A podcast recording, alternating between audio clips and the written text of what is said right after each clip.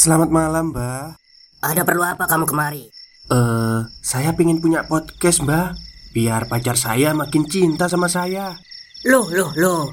Mau bikin podcast kok tanya dukun? Sekarang kamu download aplikasi Anchor.fm. Di situ kamu bisa buat podcast gratis dan podcast kamu bisa didistribusikan ke platform mana pun. Dan di aplikasi atau website Anchor.fm juga terdapat fitur-fitur yang memudahkan kamu untuk membuat podcast. Oh, gitu ya, Mbak.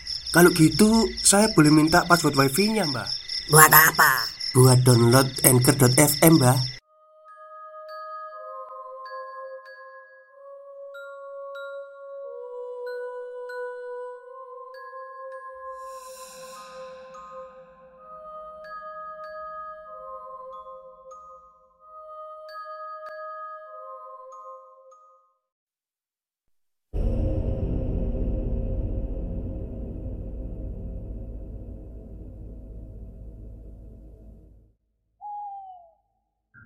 Assalamualaikum warahmatullahi wabarakatuh. Halo semuanya, jumpa lagi dengan saya Chow Sing Sing, kurator dari Podcast Horror Night Story.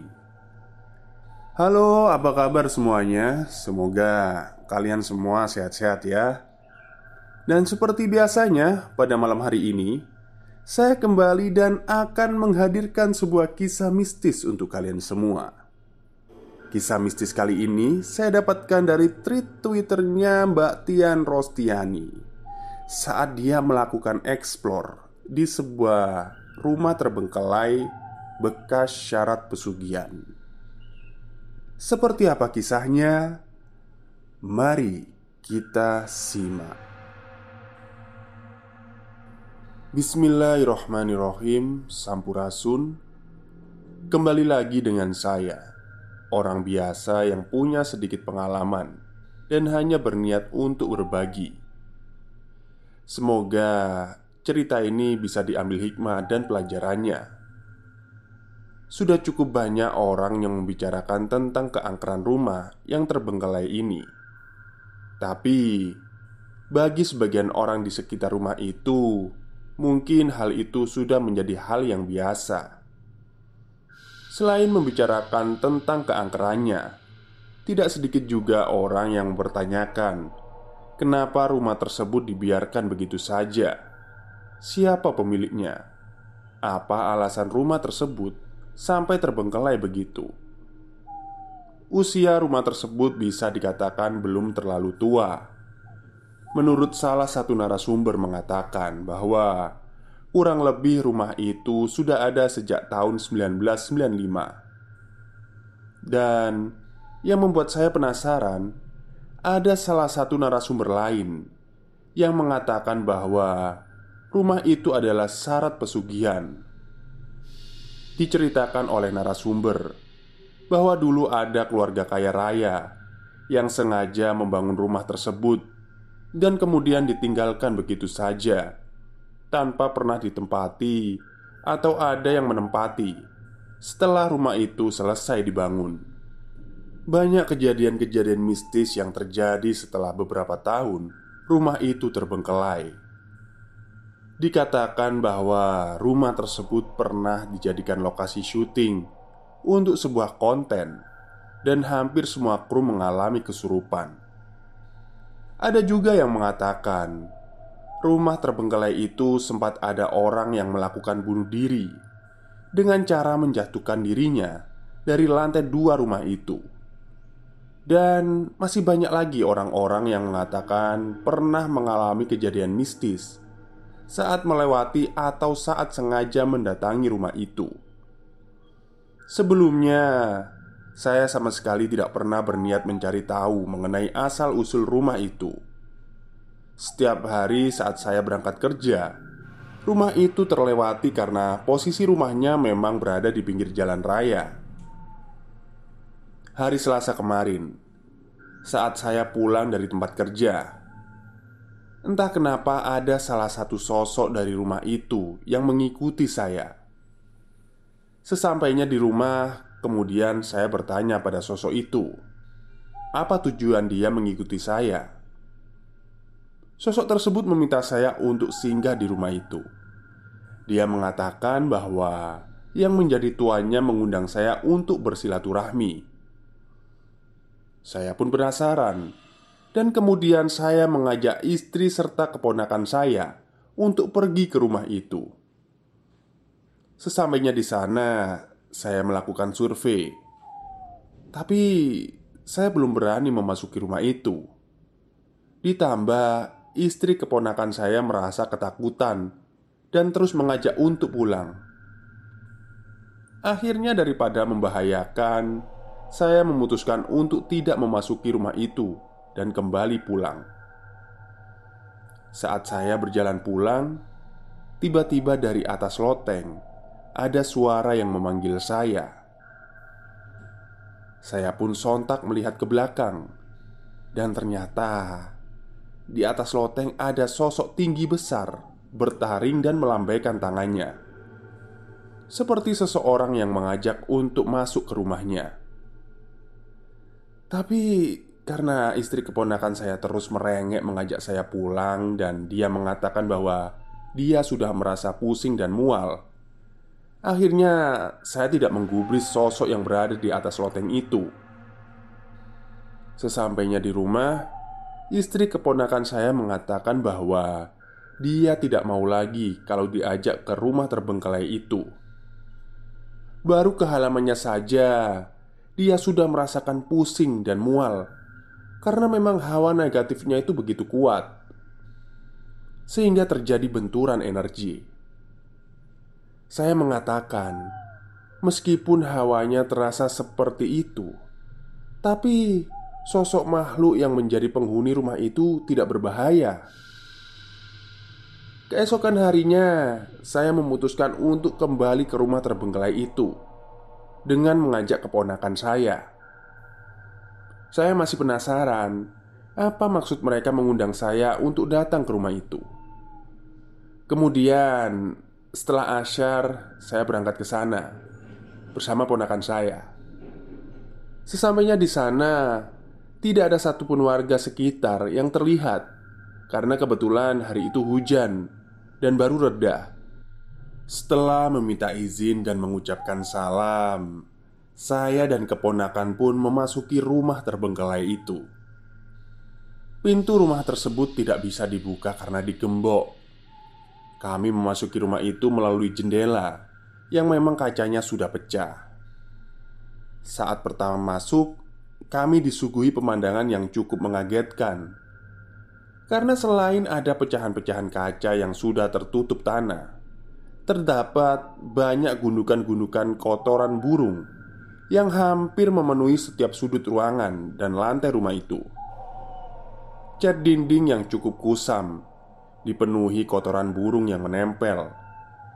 Hawa pengap pun sangat menusuk, dan bau kotoran burung itu terasa sangat menyengat di hidung. Kemudian saya memasuki ruangan pertama. Terdapat beberapa ruangan lain seperti dapur, kamar, dan kamar mandi di lantai bawah. Saya menuju dapur dan melihat ada tikar yang biasa dipakai untuk alas jenazah di keranda. Kemudian saya melihat kamar yang berhadapan dengan kamar mandi. Kamar mandinya sangat gelap terdengar suara tetesan air dari atap rumah yang memang sudah rusak itu. Terlihat samar ada bak mandi yang kondisinya belum terlalu rusak. Tidak ada apa-apa di rumah itu selain ruangan-ruangan kosong.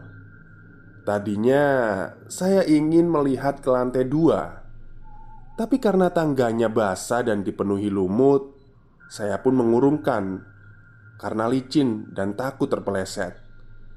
Jadi, saya hanya melihat-lihat keadaan di sekeliling lantai bawah saja. Tidak lama, sosok yang kemarin memanggil saya dari atas loteng menghampiri saya. Setelah saya mengucapkan salam, saya bertanya, "Untuk apa saya diundang ke rumah ini?" Sosok itu mengatakan, "Ada beberapa hal yang ingin dia sampaikan." Stop, stop. Kita break sebentar. Jadi gimana? Kalian pengen punya podcast seperti saya? Jangan pakai dukun, pakai Anchor. Download sekarang juga. Gratis. Rumah tersebut memang dijadikan syarat untuk pesugihan Dan sosok itulah yang melakukan perjanjian dengan orang yang memujanya. Dia akan memberikan apa pun itu dalam bentuk harta kekayaan Yang diminta oleh orang yang melakukan perjanjian dengannya. Syaratnya adalah orang itu harus membangun sebuah rumah Untuk menjadi tempat bagi sosok itu. Selain itu, tumbal manusia pun harus diberikan dalam waktu yang sudah ditentukan. Kemudian saya bertanya, kenapa sosok tersebut mengabulkan permintaan orang yang memujanya? Kenapa harus ada tumbal manusia? Sosok tersebut tertawa dengan suara yang menggelegar. Kemudian dia berkata, bahwa dia pun makhluk yang diciptakan oleh Allah, tetapi memiliki tugas untuk menggoda manusia agar jauh dari Allah. Lalu, sosok itu berujar, "Surga dan neraka itu manusia yang memilih."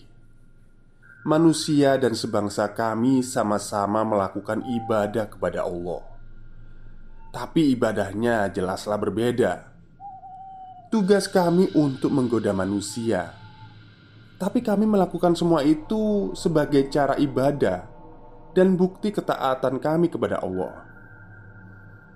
Manusia dikatakan makhluk yang sempurna karena selain ada sifat kami, terdapat pula sifat Allah dalam dirinya. Itulah kenapa segala sesuatu kembali lagi pada diri manusianya sendiri Apakah mereka akan mengikuti sifat kami atau mengikuti sifat Allah? Allah memberi kebebasan kepada manusia untuk memilih. Jika manusia mengikuti sifat Allah, maka surga yang akan menjadi tempat mereka. Tapi apabila manusia mengikuti sifat kami, maka nerakalah imbalannya. Bagi kami, Hidup di neraka itu tidak akan membuat kami menderita Karena neraka memang sudah ditakdirkan untuk menjadi tempat kami Kami diciptakan dari sesuatu yang ada di neraka Sedangkan manusia Mereka diciptakan dari sesuatu yang tidak ada di neraka Ibarat api Apabila disimpan dalam air Apa yang akan terjadi pada api itu? Pasti padam bukan? Tetapi jika api itu disimpan di tempat perapian, maka keadaan api itu tersebut maka akan baik-baik saja. Neraka adalah surga bagi kami. Allah menciptakan segala sesuatu bukan tanpa tujuan. Dan apabila kami berhasil membuat manusia mengikuti sifat kami, maka jelas kami sudah melakukan tugas yang diberikan Allah kepada kami dengan baik. Mendengar apa yang sosok tersebut katakan, saya seperti mendapat tamparan keras. Saya kemudian menangis karena saya sadar selama ini kadang saya pun masih melakukan banyak kekhilafan. Setan dan jin saja bisa setaat itu kepada Allah. Padahal mereka diciptakan dalam keadaan yang tidak sempurna dan berperan sebagai sosok yang tidak baik karena diberi tugas untuk menggoda manusia. Sedangkan kita manusia yang diciptakan Allah sebagai makhluk yang sempurna masih selalu melakukan kehilafan dan jauh dari ketaatan. Kadang apabila kita dihadapkan pada sesuatu permasalahan, kita pasti akan menyalahkan keadaan. Kita pasti menggerutu dengan mengatakan Allah itu tidak adil Padahal Allah sudah menyerahkan segala keputusan dan pilihan itu kepada kita. Itulah yang dinamakan keadilan Allah. Keadilan adalah kehidupan itu sendiri. Seperti pepatah mengatakan, apabila kita menanam benih keburukan, maka kita pun akan memetik buah keburukan itu. Apabila kita menanam benih kebaikan, maka kita akan memetik buah kebaikan itu pula. Saya merasa miris dan sangat malu. Tidak sedikit dari kita yang sudah kufur nikmat. Tidak sedikit pula dari kita yang justru marah menjauhkan diri dari Allah. Saya kembali teringat tentang sebuah kisah yang menceritakan bahwa sebenarnya selain malaikat, iblis adalah makhluk yang paling taat kepada Allah. Iblis adalah makhluk yang soleh, hingga tiada sesuatu yang lain yang dia sembah kecuali Allah. Pada suatu saat, Allah menyuruh iblis dan para malaikat untuk bersujud kepada Nabi Adam. Tapi karena iblis berpikir tiada lain yang harus dia sembah kecuali Allah, pada akhirnya iblis tidak mau melakukan apa yang Allah perintahkan kepadanya. Bukan karena iblis menentang perintah Allah dengan kesombongannya, tapi karena iblis tidak memiliki sifat Allah di dalam dirinya. Oleh sebab itu, iblis hanya berpikir tiada lain yang disembah kecuali Allah. Meskipun Allah sendiri yang memberikan perintah agar iblis bersujud kepada manusia kala itu. Saat itu pula lah Allah menjadikan iblis sebagai sosok yang akan menggoda keimanan manusia. Allah menguji beberapa kuat seberapa kuat keimanan manusia melalui iblis sebelum pada akhirnya Allah mengutus Dajjal sebagai sosok yang paling kuat untuk menjadi penggoda manusia agar jauh dari Allah. Kenapa manusia dikatakan makhluk ciptaan Allah yang paling sempurna dibandingkan dengan makhluk lainnya? Menurut keterangan, manusia diciptakan dari beberapa unsur.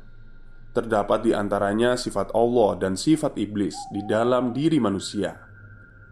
Malaikat hanya memiliki sifat Allah, sedangkan iblis ya memiliki sifat iblis itu sendiri.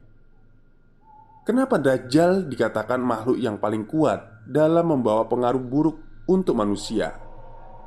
Karena Dajjal adalah manusia yang hanya memiliki sifat iblis Dan Allah memberikan keistimewaan bahwa Apa yang menjadi keinginan Dajjal Akan Allah kabulkan dengan imbalan neraka baginya Dari sini kita bisa memetik pelajaran bahwa Jika ada sesuatu permasalahan yang dihadapi Jangan dulu menyalahkan iblis atau setan Apalagi menyalahkan Allah. Tapi coba kalahkan terlebih dahulu iblis yang ada pada diri kita sendiri Yang berwujud sebagai hawa nafsu atau keegoisan. Allah sudah menjadikan manusia sebagai makhluk yang sempurna Dan memberi keistimewaan dengan diberikannya kebebasan untuk kita dapat memilih Apakah kita akan mengikuti sifat Allah Atau malah mengikuti sifat iblis? Saya benar-benar tidak menyangka akan disuguhi sesuatu yang membuat hati saya bergetar. Satu hal penting yang selama ini belum saya ketahui. Kemudian saya bertanya, "Mereka yang berada di kamar mandi itu siapa? Kenapa keadaan mereka seperti itu?" Dan yang berada di kamar serta ruang tengah itu siapa? Ada beberapa sosok dengan kondisi yang sangat memprihatinkan, terutama yang berada di kamar mandi. Ada yang terikat di leher dan kakinya, ada yang bertubuh sangat kurus, dan ada yang dipenuhi luka dan berbau busuk, sehingga saat itu saya merasa mual.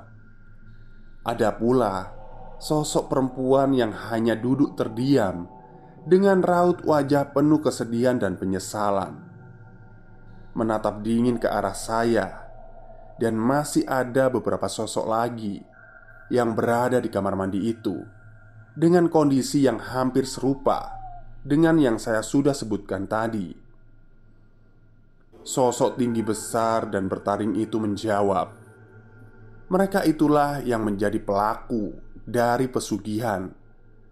Dan yang kondisinya cukup baik itu yang menjadi korban tumbal pesugihan. Lutut saya benar-benar merasa lemas saat mendengar jawaban dari sosok itu. Saya tidak tahu apa yang harus saya lakukan. Apakah saya harus membantu mereka atau membiarkan mereka? Begitu gumam saya dalam hati. Kemudian sosok besar bertaring itu mengatakan, "Itulah contoh dari apa yang tadi saya katakan, bahwa segala sesuatu kembali lagi kepada pilihan manusianya. Apakah mereka ingin bersenang-senang di dunia dan memiliki segalanya, tapi kemudian menderita setelahnya?" Atau mereka akan menjalani kehidupan dengan takdir yang sudah digariskan untuk mereka, dan kemudian mendapat kehidupan serta kematian yang layak. Tidak usah mengasihani mereka. Mereka sedang membayar atas perbuatan yang telah mereka lakukan, dan yang menjadi tumbal dari pesugihan itu hanya tinggal menunggu waktu sampai pada saatnya mereka menemui batas ajal yang seharusnya. Saya sudah tidak bisa berkata apa-apa lagi. Seumur-umur, baru kali ini saya mengetahui dan melihat secara langsung hal seperti itu yang memang benar adanya. Selama ini saya hanya mendengar cerita atau hanya melihat hal-hal semacam itu di televisi atau tayangan-tayangan lainnya. Dan saat itu semuanya benar-benar nampak di depan mata saya. Saya pun kembali bertanya, Apakah sosok tinggi besar dan bertaring itu akan selamanya berada di rumah itu?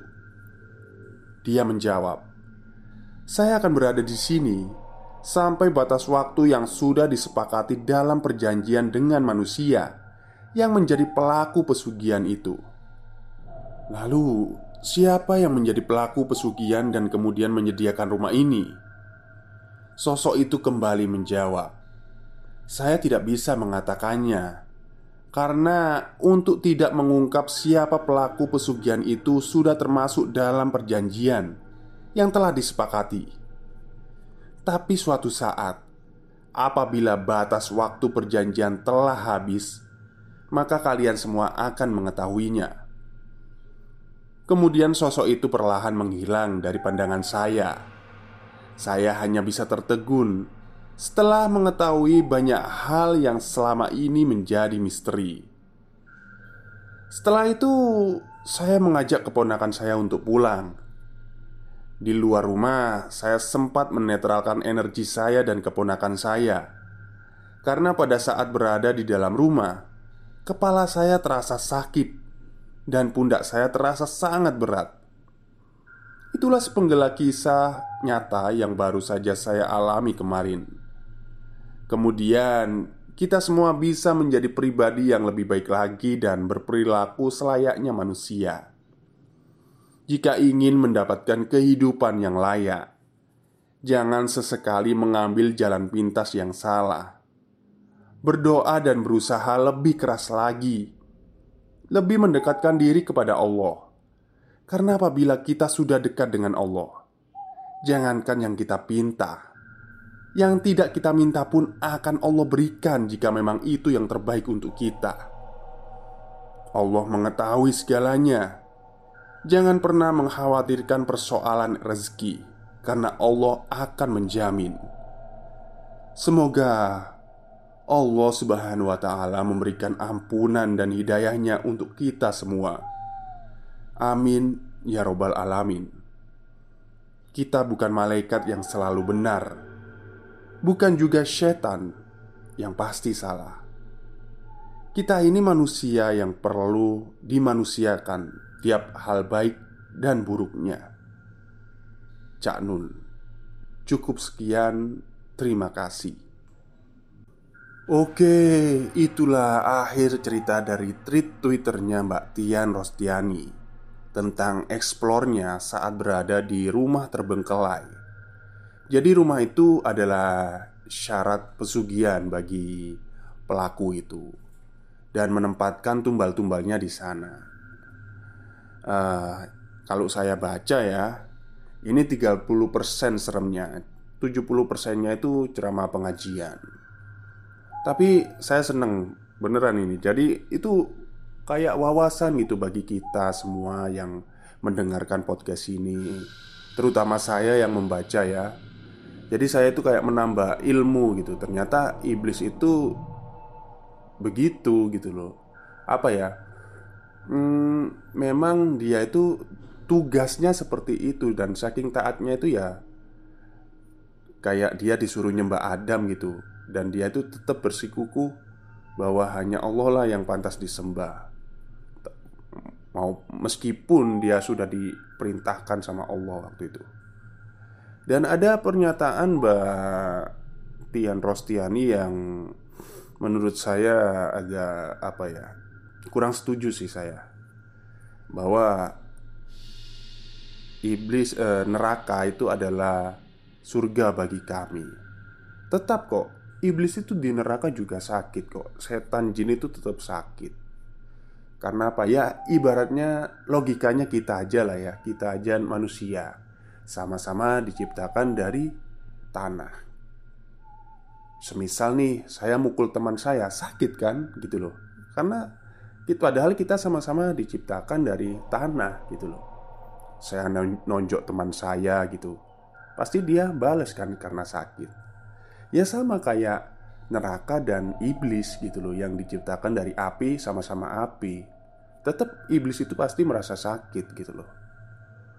Oke, uh, terima kasih Mbak Tian Rostiani sudah diizinkan untuk membacakan ceritanya. Sangat sangat apa ya? Baru kali ini saya membacakan cerita yang seperti wah, pengajian gitu. Oke, mungkin itu saja yang bisa saya sampaikan pada malam hari ini. Semoga kalian semua suka. Selamat malam dan selamat beristirahat.